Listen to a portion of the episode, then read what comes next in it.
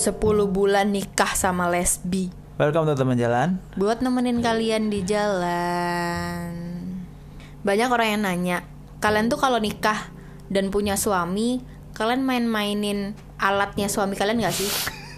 Atau buat kalian cowok-cowok yang punya istri Istri kalian suka main-mainin punya kalian gitu gak sih? Karena banyak orang yang heran gitu Kenapa pasangan ini tidak melakukannya Oke, kita mulai speak up. Setelah saya diam selama dua bulan lebih menunggu sidang pertama atas kasus penipuan, pelecehan seksual, hampir dibunuh, ditenggelamkan, pelecehan agama, pemalsuan identitas, pemalsuan gelar akademik, pencemaran nama baik, dirugikan secara mental, psikis, material. Tolong bantu saya untuk mendapatkan keadilan dan pelaku dihukum seadil-adilnya. Mental dan nama baik saya sudah dirusak karir saya dihancurkan, uang saya dikuras habis-habisan, kerugian hingga 300 juta lebih. Sedangkan pihak pelaku dengan santainya seolah-olah tidak bersalah atas perbuatan zolimnya. Dan pihak keluarga sama sekali tidak ada itikat baik untuk mengembalikan hak saya, malah asik berfoya-foya. Tolong tahu diri sedikit, anak kalian itu terlibat kasus hukum dan merugikan saya sebagai korban. Bahkan pasti ada korban lainnya. Saya harap bisa bertemu dengan korban lainnya supaya pelaku kejahatan kezoliman ini dihukum seberat-beratnya seadil-adilnya tanpa ada oknum yang mencoba membantu dan tolong pihak wartawan. Kalau buat berita yang bener dikit, jangan asal nyomot berita buat viral tanpa memikirkan kondisi psikologis korban. Dengan keberanian dan tekad dari hati serta mental yang saya kuat-kuatkan, di sini saya speak up masalah yang saya alami selama 10 bulan terjadi mulai dari Juni 2021 sampai dengan 1 April 2022. Dengan semua rasa sakit, malu, kecewa, marah, dan ketakutan. Saya akan bercerita kisah 10 bulan yang terjadi terhadap saya dan orang tua saya. Sebelumnya saya ingin memohon maaf kepada teman-teman saya yang dirugikan atas nama saya, di mana nama saya dipakai pelaku untuk meminjam uang dengan dalih untuk biaya pengobatan ortu saya yang sakit. Jujur, di sini saya sangat menderita karena di sini saya adalah korban dari tindak pencucian otak, penipuan, pelecehan seksual, pencemaran nama baik terhadap saya dan orang tua saya, serta korban malpraktek. Pelaku mengaku sebagai dokter. Sebelumnya, tolong jangan judge saya dan memaki karena mental saya pun udah sangat rusak. Namun saya tetap harus berusaha untuk mendapatkan kembali hak-hak saya dan orang jahat itu dihukum seberat-beratnya dan saya berharap pihak berwajib pun bisa menangkap semua sindikat penipuan pencucian otak ini. Saya butuh dukungan dari teman-teman semua. Kejadian ini bermula pada tanggal 31 Mei 2021. Saya yang membuka aplikasi Tantan, saran dari teman, berkenalan dengan seseorang yang mengaku bernama Petrus Gilbert Arafif. Seorang mualaf yang hendak mencari pasangan hidup, yaitu istri. Dari sini ia mulai chat saya dan mengajak berkenalan. Setelah berkenalan selama dua minggu, ia datang ke rumah saya di Jambi, berniat untuk melamar saya. Notes tidak membawa identitas dengan alasan hendak berganti nama menjadi Ahnaf Arafif agar menghilangkan nama baptisnya sebelum menikahi saya. Setelah berkenalan dengan keluarga saya, dia mengaku sebagai dokter dan pengusaha batubara. Saya dan ibu saya dikenalkan dengan orang tua angkatnya yang bernama Shafni via video call. Terus di sini ditunjukin screenshotnya uh, profilnya si cowoknya ini di aplikasi Tantan. Ada foto pertama foto dia megang di, bola basket. megang bola basket pakai kaos ya kayak baju cowok gitu. Yang kedua dia pakai baju dokter kayak pakai jas putih gitu. Tapi nggak ada identitasnya. Dan penampilannya ya emang kayak mirip cowok sih karena rambutnya pendek. Terus dia ngechat assalamualaikum. Boleh aku nazor? Terus jawab insya Allah boleh. Tapi aku mualaf nggak apa-apa. Bisa sholat bisa ngaji bisa alhamdulillah Afwan boleh minta no WA kalau kurang berkenan nggak apa-apa Afwan sejak kapan sejak 2016 boleh diceritakan Aku masuk Islam dari 2016. Kamu umur berapa? Anak keberapa dari berapa bersaudara? Oh, tadi itu jawabannya. Punya keinginan menikah kapan? Maaf ya, banyak tanya. Bingung jawabnya dari yang atas. Apa yang mana nih? Jawab aja, yang mana yang kamu mau jawab duluan. Hehe. Afwan ya. Satu, menjaga sholat. Syukur-syukur bisa membimbing ke langkah lebih baik. Dua, tanggung jawab pastinya ya. Tiga, anak pertama dari dua bersaudara. Empat, pengennya pas 23, sekarang udah mau 27. Sekian dan terima kasih. Oke, menurut kamu apa aja sih harus kita pribadi persiapkan untuk ke jenjang pernikahan? Apa cukup hanya dengan kemantapan dan pengetahuan duniawi? Nggak cuma duniawi, akhirat juga harus sejalan. Baik, karena menurutku pernikahan itu bukan persoalan tentang bergantinya status dari belum menikah ke sudah menikah saja, tapi bagaimana kita mengetahui apa saja hak dan yang batil kita masing-masing sebagai seorang istri dan suami. Karena menikah bukan perihal ganti status saja, tapi harus ada ilmu agama di dalamnya. Percuma kalau duniawi dia punya semuanya tapi lupa ibadahnya. Jadi intinya antara dunia sama akhirat harus seimbang. Afwan, karena banyak orang yang hanya menginginkan pernikahan hanya sekedar ingin, tapi lupa cara membangun dan mempertahankan sebuah hubungan di dalam keluarga kecil mereka bukan hanya membangun keluarga untuk di dunia, tapi juga menempah istana untuk ke surga. Iya betul harus seimbang.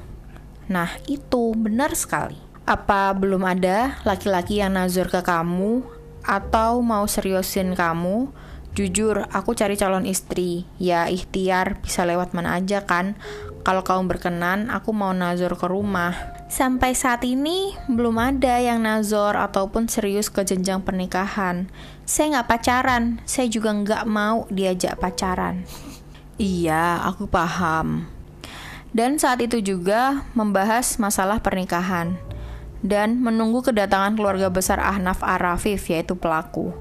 Setelah satu minggu di Jambi, Pelaku pulang ke Lahat dengan alasan akan mengambil surat menyurat serta KTP dengan nama yang baru tanggal 4 Juli 2021. Lalu, pada tanggal 5 Juli 2021, adiknya yang bernama Devtia Sari mengabari saya bahwa mamanya meninggal karena kena COVID setelah beberapa hari dirawat di ICU. Kemudian pelaku pun mengabari saya seperti demikian, begitu pula dengan tantenya si TI Yuliani.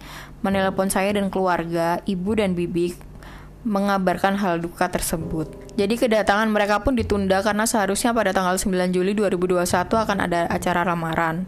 Posisi tenda pun udah dipasang, bahan-bahan untuk acara lamaran udah dibeli dengan uang ibu saya sendiri. Tiga hari setelah kabar duka tersebut, pelaku datang kembali ke Jambi tanpa membawa identitas dengan alasan belum jadi. Sampai pada akhirnya tanggal 18 Juli, saya pagi hari disarankan oleh om dan bibi saya untuk menikah secara agama aja dulu atas permintaan pelaku tersebut juga. Spontan saya kaget, namun dikatakan bahwa tidak apa-apa menikah siri dulu sambil menunggu surat identitas. Anjir. Dan dikatakan oleh om dan bibi saya bahwa di daerah saya tinggal sebelumnya juga ada yang menikah siri dulu baru lanjut ke KUA. Hari itu juga saya meminta izin kepada ibu saya pada waktu sore hendak maghrib. Spontan ibu saya kaget dan kondisinya saat itu emang sedang sakit sehingga nggak bisa mendampingi saya. Sedangkan ayah saya emang udah sakit stroke. Pada malam itu, tanggal 18 Juli 2021, pada pukul 20 WIB terjadilah pernikahan dengan saksi dari pihak keluarga ayah saja serta wali hakim dan saksi imam.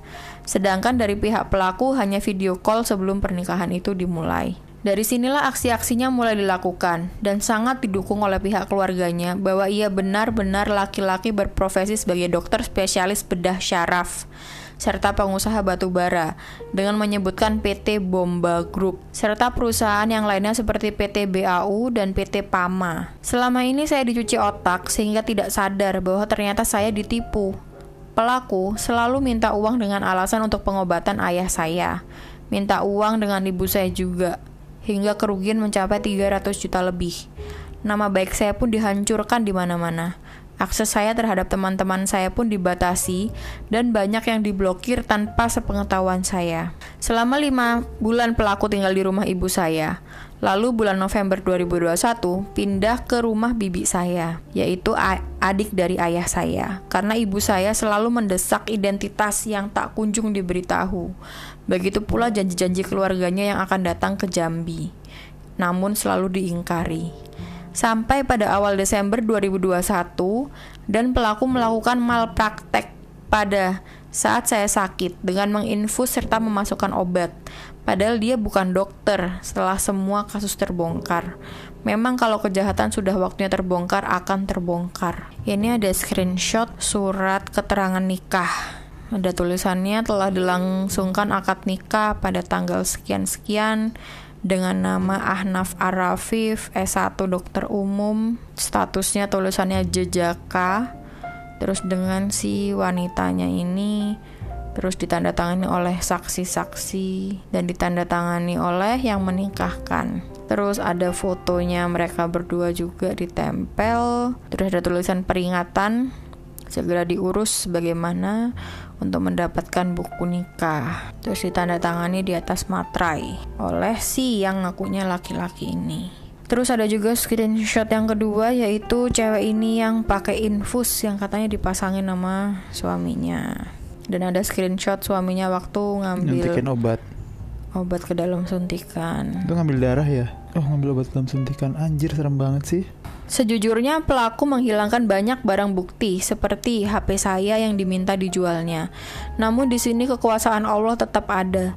Sebelum HP itu diambilnya, memory card saya cabut sehingga saya menemukan beberapa bukti yang ada. Lalu karena kecurigaan ibu saya semakin besar pada malam 3 Desember 2021, ibu saya memanggil warga, Pak RT dan Pak Babinsah untuk meminta pelaku menunjukkan identitasnya. Namun ia tetap dengan alasan yang sama. Setelah itu, ia berjanji pagi hari akan menunjukkan identitasnya, namun diingkari kembali. Malah membawa saya kabur ke Lahat. Sebelumnya saya tidak tahu kalau akan dibawa ke Lahat. Karena pada tanggal 4 Desember 2021 pagi hari jam 6, dengan kondisi yang belum mandi dan sarapan, dia ngajak saya untuk nyari sarapan, tapi ternyata malah ngajak saya ke Lahat dengan alasan akan ngambil KTP dan identitas lainnya. Dengan tanpa sadar, saya pun mengikutinya. Setelah sampai di Lahat, saya tinggal di rumah ibu angkatnya yang bernama Syafni dan Soeharto Malik. serta diperkenalkan dengan adiknya Elvian Syah, serta Murni tantenya, dan mamanya Suryani. Pada saat itu saya kaget, karena kenapa mamanya masih hidup, sedangkan sebelumnya keluarga dan dia bilang bahwa mamanya udah meninggal. What the fuck? Sampai udah di 40 hari di rumah ibu saya yang undang banyak warga buat yasinan 40 harian. Pada saat itu Anjir. saya mulai dikurung dalam kamar selama sebulan di rumah Syafni tanpa boleh berinteraksi dengan keluarganya dan lingkungan sekitar. Ini ada bukti sampai bongkar pasang tenda. Ada foto uh, orang-orang gitu lagi ngebongkar tenda yang udah dipasang. Selama bulan Desember, saya dikurung di rumah Syafni tersebut dan gak boleh ngubungin ibu saya Selama Desember itu, saya diajak beberapa kali ke air terjun di pelosok dusun lahat tanpa ada sinyal. Di sini saya sama sekali nggak ada kecurigaan karena saya masih nganggep bahwa Anaf Arafif ini suami saya dan benar laki-laki. Sempat pula ia mengajak saya ke air terjun tersebut dengan Soeharto Malik, bapak angkatnya, dan Randy Wijaya, temannya. Air terjun tersebut pun dekat dengan aliran sungai Lematang dan saya disuruh mandi di air terjun itu.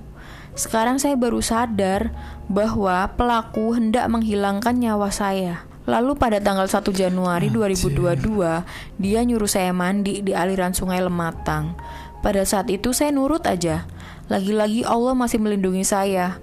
Waktu itu saya mendengar dia dapat telepon untuk nyuruh saya maju ke aliran sungai yang lebih dalam. Note, saya nggak bisa berenang. Pada saat itu, saya pegang tangan dia dengan kencang, biar saya nggak hanyut ke bawah arus. Jujur, saya ada bukti video, tapi nggak bisa diupload di sini. Setelah itu saya dikurung selama 4 bulan di rumah temennya, tanpa boleh berinteraksi dengan lingkungan sekitar. Pelaku terus menguras uang saya yang saya punya, sampai-sampai ke deposito pun dipaksa dicairkan. Note, Buku rekening asli saya tinggal di rumah. Namun, saya disuruh buat surat kehilangan di Polresta Lahat. Oke, di sini saya benar-benar dibodohi dan dicuci otak. untuk membenci ibu kandung saya sendiri. Banyak sekali fitnah yang diucap seperti nuduh ibu saya sebagai penunggang agama dan teman-teman dia menutupi bahwa dia adalah laki-laki. Padahal sebenarnya dia tuh perempuan. Jadi, selama 10 bulan saya menikah dengan perempuan, bukan laki-laki. Dan selama 10 bulan saya meyakini bahwa dia itu laki-laki. Ini ada screenshot foto tiga orang berdiri di jembatan gitu sama ada motor dan ada platnya sih tapi nggak usah dibacain lah kayaknya ini video ya terus ada video sungainya kayaknya sungai yang dia tadi disuruh masuk di situ dan serem banget sungainya kayaknya ya deres gede banget, dan anjir. deres Hmm, kencang arusnya. Tanggal 1 April 2022, ibu dan tim buzzer Jambi mencari saya dan akhirnya diketemukan di rumah di pinggir rel kereta api daerah Lahat.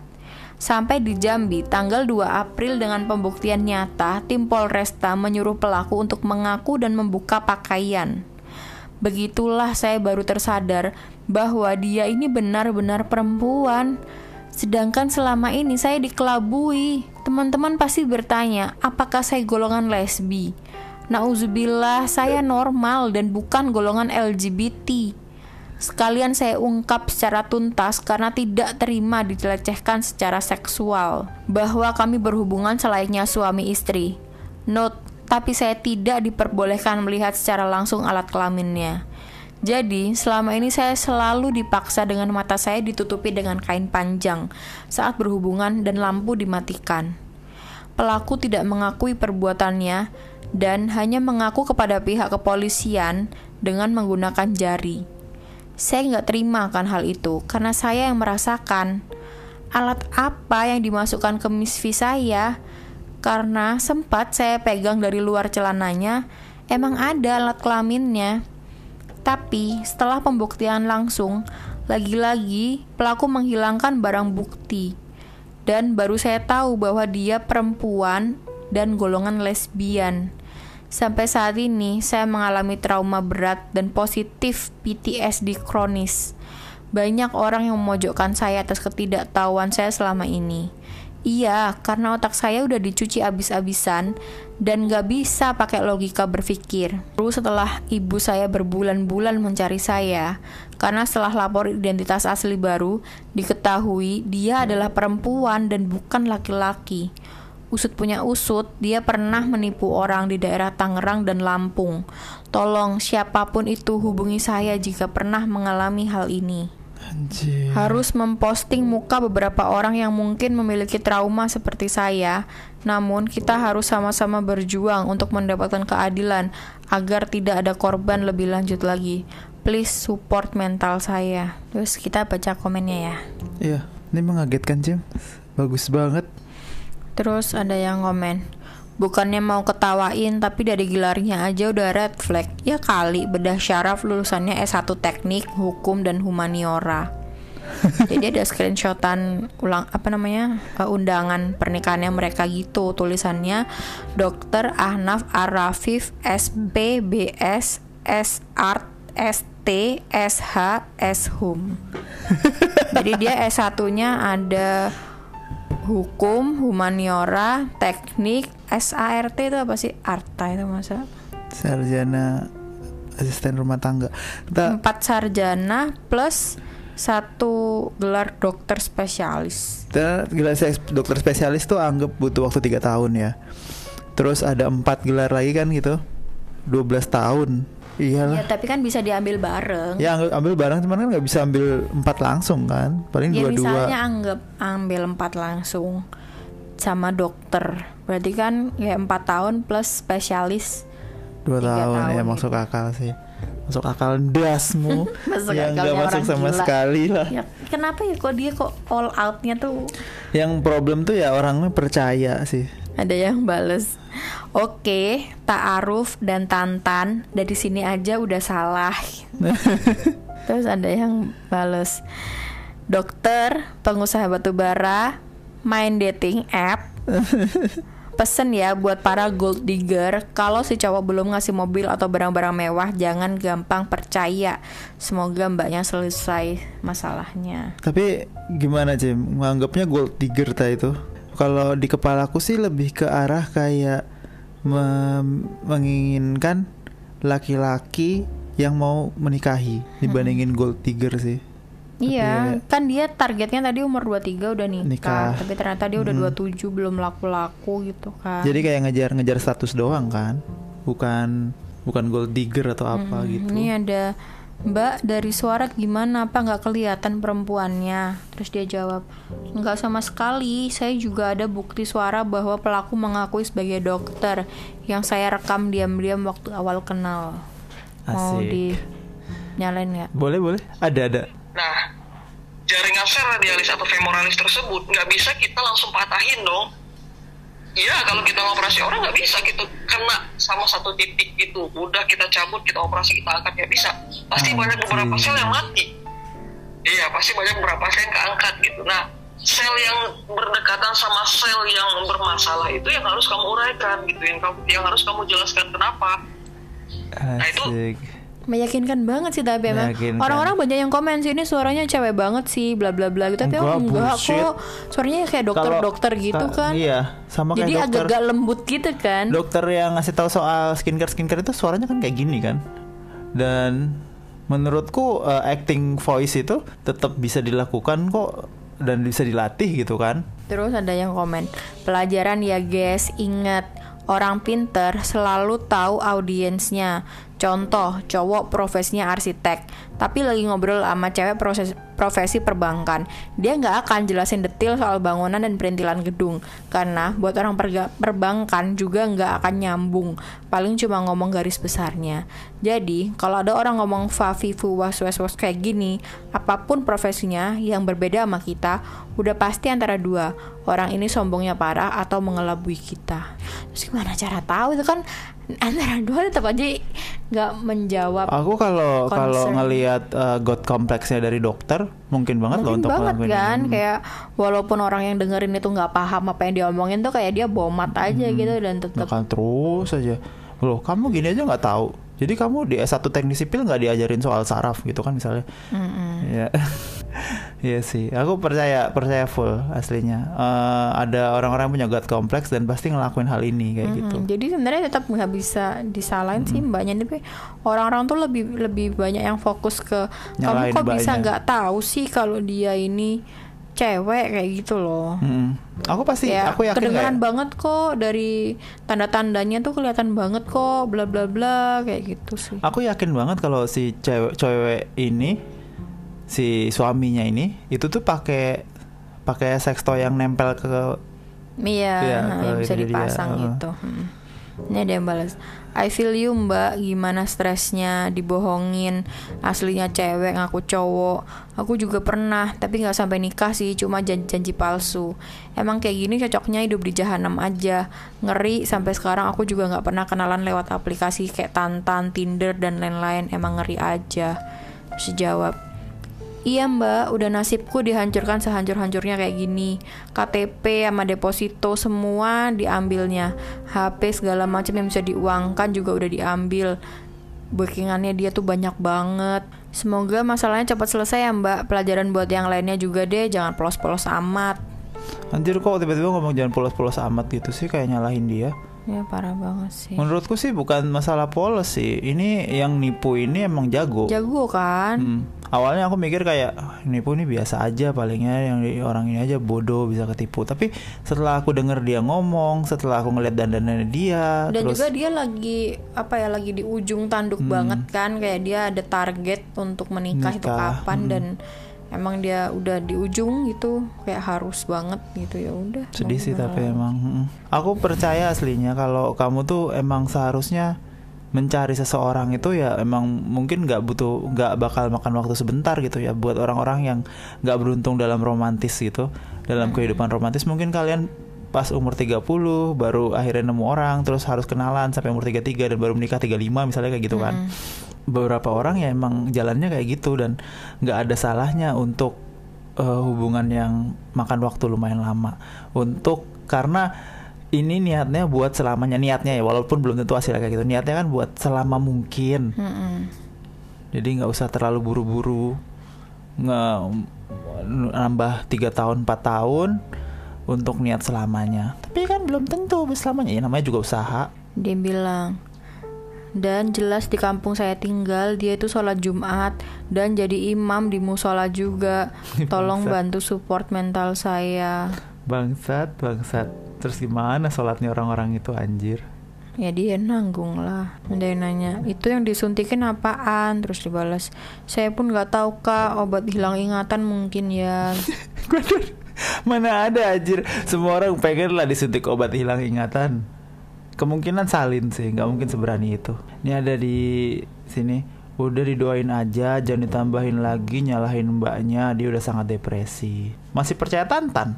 Tinder? Atau aplikasi dating lainnya hati-hati besti banyak yang palsu hanya demi kepuasan nafsu yo mantap It's rhyme so it must be true. Iya, uh, Wallahu somad, yoi. it's rhyme, it must be true.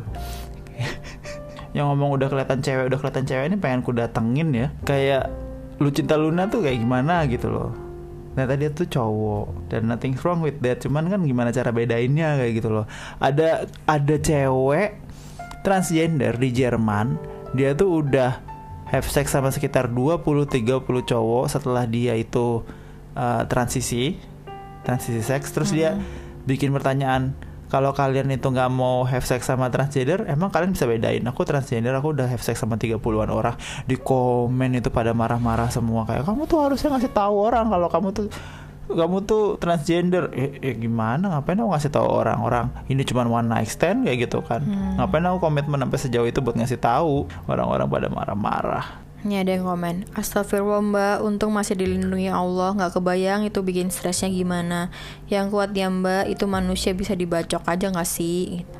Terus dia balas Seandainya bisa dibacok Saya juga pengen bunuh dia. Udah tahu salah malah cengengesan.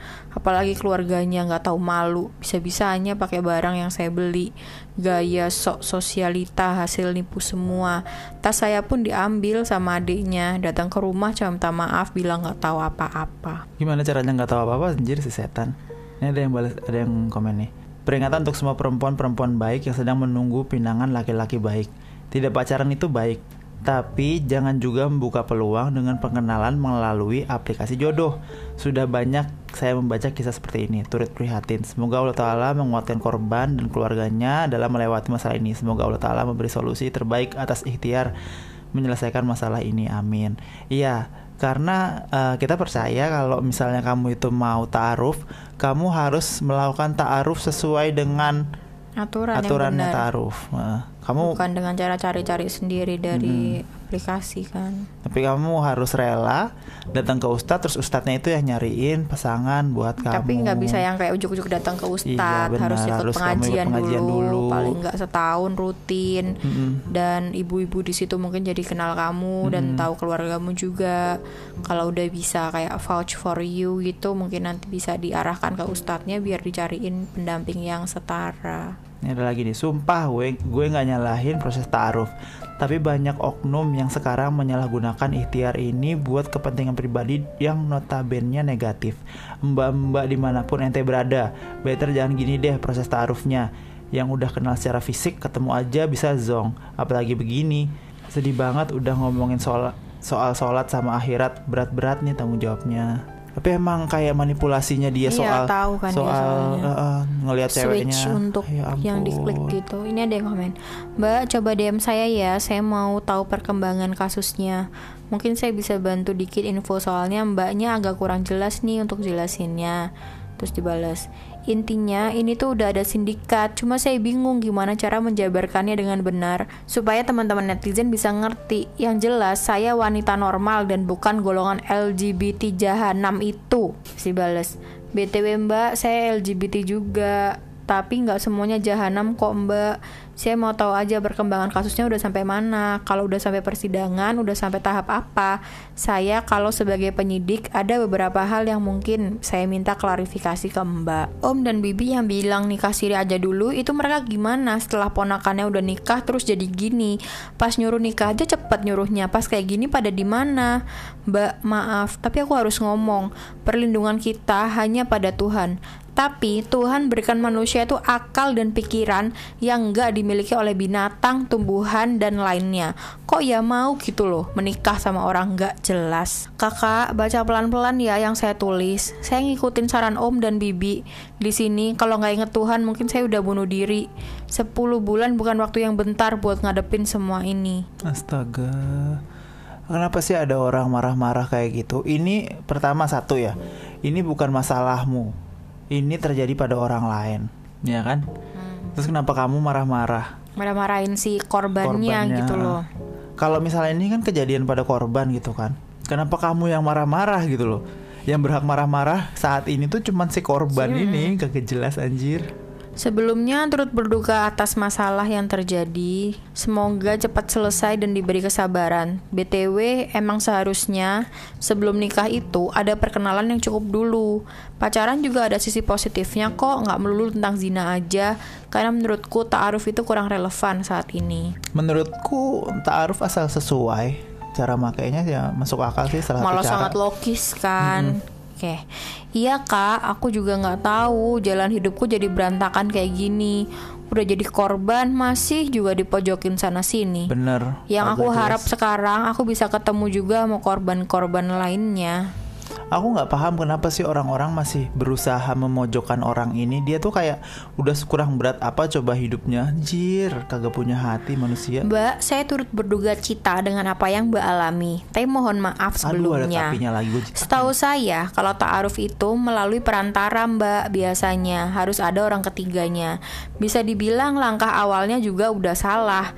Dihitbah dulu juga sebenarnya nggak masalah. Tapi kalau identitas belum jelas, bahkan belum bertemu, dan menikahnya cuma dari video call, itu gimana deh? Untuk buntut panjang yang terjadi setelahnya jadi nggak kaget kalau dia seperti itu.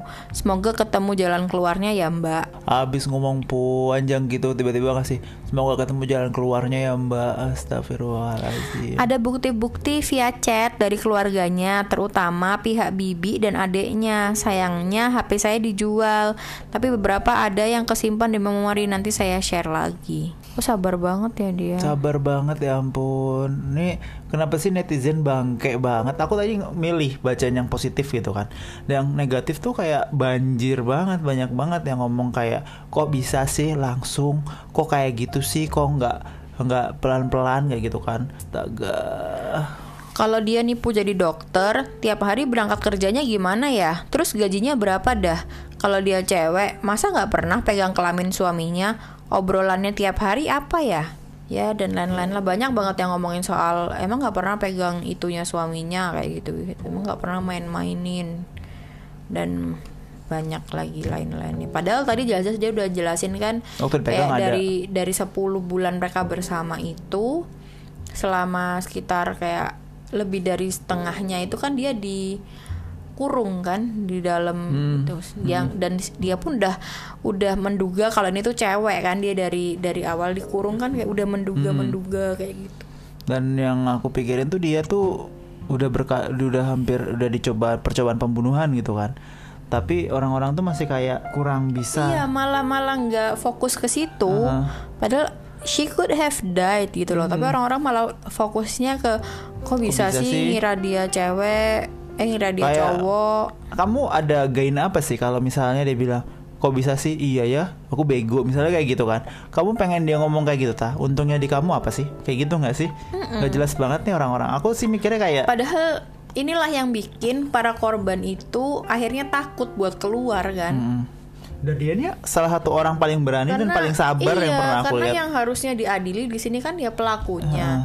Tapi kok justru malah dia yang diadili itu aneh. Kan harusnya orang-orang kayak ih sialan bejat banget tuh cewek kayak gitu ayo gitu kita kan bantu harusnya. cari korban lainnya misalnya kayak gitu kan. Tapi malah malah dipojokin. kalau akhirnya nanti korbannya ketipu. kalau ngebaca gini wah iya ya aku kok bisa ya ketipu juga. Ya udahlah aku nggak usah. Iya, Itu benar. daripada ntar aku malah dibully bener gitu. banget. Bahaya sih ini. Padahal kasus kan masih ongoing.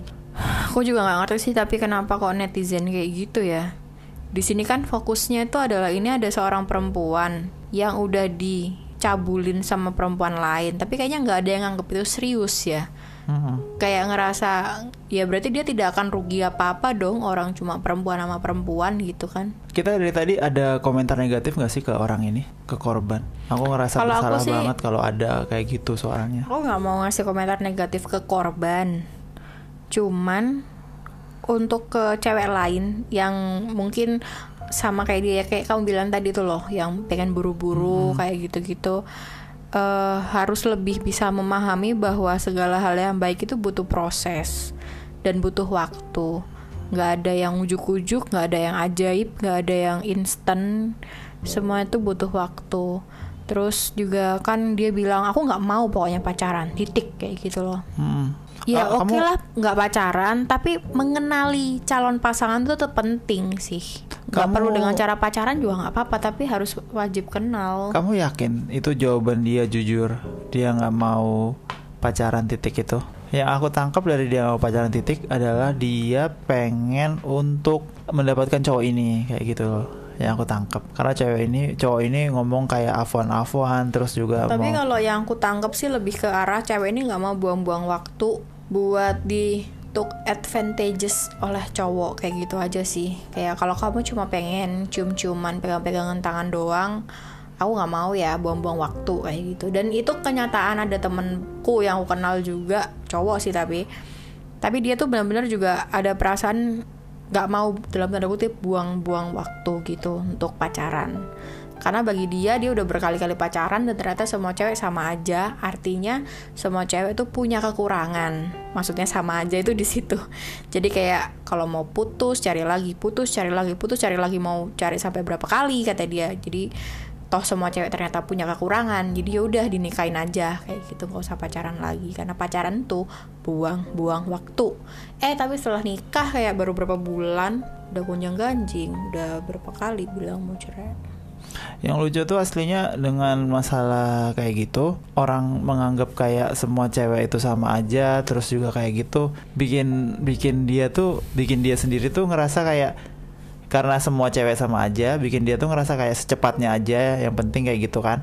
Jadi kayak buru-buru Buru-buru. Iya yang penting dapat aja lah toh Uh-uh. semua cewek sama aja kayak gitu. Kayak nggak ada gunanya buat ngefilter nyari yang terbaik Iya. karena toh semuanya juga pasti ada kekurangannya Aku kok agak-agak gimana ya dengan orang-orang yang Semua orang emang ada kekurangannya Tapi kekurangannya cocok nggak sama kamu kan Kayak gitu kan tapi kebetulan kebetulan cewek ini kekurangannya cocok sama dia Iya Waktu masih dan kelebihannya Gitu. juga cocok. Cocok. sama dia tapi ternyata di eh, Di pernikahan dia itu tidak beda ter sayangnya dia tidak memikirkan tentang bahwa ada kemungkinan cewek ini cuma acting supaya supaya memenuhi keinginannya dia supaya dinikahin itu yang dia tidak pikirkan sih padahal menurutku kalau pacarannya agak lama lagi kemungkinan bisa kelihatan sih kemungkinan banget Tapi untuk orang yang selalu minta buru-buru nikah Hmm, itu ada red flag ya itu red flag. Menurutku kayak eh, kemungkinan dia jujur tuh bakal makin kecil. Hmm. Kemungkinan dia itu sincere sama kamu tuh juga makin kecil kayak gitu kan. Hmm. Jadi dia bakal nutup-nutupin semua kekurangannya dia supaya dia dapat itu deh. Yang dia pengen satu-satunya itu ya pernikahan itu. Jadi yang penting kayak ditangkep dulu gitu Iya. perkara nanti gimana berantem cara mulu tiap hari atau kayak gimana ya itu urusan nanti. Aku agak agak sebel sih aslinya sama hubungan pernikahan ini sih. Kayak pernikahan yang kayak gitu kayak buru-burunya itu. Cuman satu sisi aku juga nggak me- ini nggak mau bilang kayak pernikahan kayak gitu. blaming gitu lah Pernikahan yang kayak gitu tuh nggak bakal berhasil soalnya kita tahu ada yang berhasil nggak sih Mm-mm. dari pernikahan yang model dijodohin kayak gitu tapi emang harus melalui jalan yang benar kayak temanmu itu kan ada yang kayak gitu kan Jim dipilihin sama ustadznya ini dari keluarga ini nih Hmm. ini orangnya baik keluarganya baik iya dan Ini. beneran sampai sekarang Beneran ya sampai sekarang lancar aman-aman aja aman. dan sevisi kita ngelihatnya juga Iya. kan karena emang mungkin satu pengajian dengan dengan ini yang sama apa Ustadz eh, yang sama. apa itu namanya Aliran yang ideologi sama. yang sama. Karena ideologi yang sama itu ya itu yang bikin mereka mungkin langgeng sampai sekarang sedangkan kamu walaupun satu agama itu bisa jadi ideologimu tuh beda gitu kan? Hmm. Di sini sih aku agak keganggu sebenarnya sama waktu chatting chattingnya mereka sih di awal-awal yang cowoknya bilang "Eh, apa cukup hanya dengan kemantapan dan pengetahuan duniawi? Kayak gitu kan. Terus Heeh. ceweknya jawab nggak cuma duniawi akhirat tuh juga harus sejalan. Kalau duniawi dia punya semuanya tapi lupa ibadahnya ya percuma jadi intinya antara dunia sama akhirat harus seimbang. Itu kan secara tidak langsung dia pengen ngasih tahu bahwa dia pengen punya cowok yang punya duniawi juga kan berarti. Maksudnya punya segalanya juga di dunia tapi juga ngerti soal agama juga gitu. Kayak she wants it all juga nggak sih kedengarannya dari obrolannya itu? Tapi makanya dia bisa kejebak. Oh. Karena dia emang punya ekspektasi untuk seorang laki-laki yang pantas untuk dia itu adalah laki-laki yang ya punya jabatan, punya harta, profesi yang mulia gitu, tapi juga punya uang juga nih. Makanya tapi dia juga ngerti agama juga, yang Hmm, penting ngerti bisa sholat juga. ya gitu-gitu. Dan yang paling aneh tuh ada syarat anak pertama dari dua bersaudara itu udah kayak bukan itu bukan syaratnya itu dia ngenalin diri kan oh mengenalkan dirinya Ah. dia bukan. Jadi syaratnya ya soal yang dunia iya tadi dunia itu. tadi itu Oh gitu ya. harus oke. seimbang katanya Nah, problem dari harus seimbang itu problemnya kan dua-duanya dia pengennya tinggi itu aja sih aku ngerasanya. iya benar-benar Kecuali kalau misalnya dia bilang duniawi sih nggak apa-apa nggak ada juga kan kita bisa usahain bareng-bareng. Yang penting akhiratnya dia lebih baik kayak gitu Hmm. atau atau gitulah. misalnya kayak yang penting sih duniawi aja kita bisa berusaha bareng akhirat itu ya biar Tuhan aja yang nentuin misalnya kan kayak gitu Iya, atau ya kita Atau- belajar agama bareng, Ya, pengajian bareng atau apa. Dia tuh kan eh, enggak tapi. dia pengennya terima jadi Nah. itu sih yang aku juga nggak suka dari orang kebanyakan itu mereka tuh kayak aku mau nyari barang yang udah jadi. Aku nggak mau nyari barang yang masih setengah matang terus aku harus cook up myself kayak gitu loh capek banget, nggak banget, punya ya ampun, waktu, nggak buang-buang waktu, buang-buang tenaga. Iya. Pengennya tuh udah dapet cowok yang sempurna, ganteng, kaya, pinter, dan mau sama aku. kayak yang gitu. tidak sempurna ini yang penuh dengan kekurangan tapi aku pengennya kamu terima aku apa adanya Iya, gitu padahal kan. dia sendiri kan sebenarnya dari kata-kata dari ceritanya kan underprivileged ya. Bapaknya Hmm. sakit, ibunya sakit, terus dia yang ngerawat juga tante omnya Hmm. yang mana ya mungkin bukan orang-orang yang berpendidikan juga Hmm. kayak gitu loh. Cuman ya itu sih ekspektasi orang-orang terhadap pasangan itu loh. Pengennya tuh yang udah perfect fact fact tapi pengennya yang mau sama dia kayak gitu. Padahal Hmm. kan kalau di dunia nyata ya kebanyakan orang yang udah perfect fact fact kayak gitu ya biasanya selalu dapet sama yang selevel sama dia nggak Aku sih? mikirnya kayak yang perfect fake fake itu biasanya ada yang ngecook Udah ada yang ngetem kan? Iya. Maksudnya emang dari kuliah bareng, Hmm. mereka udah pacaran, terus pas udah cook gitu, terus nikah biasanya kayak gitu kan? Iya sih, cuman ya balik lagi tem ekspektasi itu emang selalu ngebunuh sih kayak ekspektasi nikah cepet-cepet. Mm-mm. Itu bakal ngebunuh proses. Iya. Ekspektasi eh, nikah sama orang yang udah Pasangan yang pasangan yang perfect. Berusaha ngerusak Membunuh juga proses proses. juga. Pokoknya kalau kamu tuh nggak nikmatin proses, ya mendingan jangan ke situ kayak gitu iya, kan. cuma pengen dapet hasilnya doang. Mm-mm. Tapi nggak mau berusaha. Hmm. Oke, I think that's all for today. Semoga kasus ini cepat selesai dan mbaknya bisa menemukan kedamaian lagi dalam hidupnya. See you Amin. later, see you tomorrow, bye bye.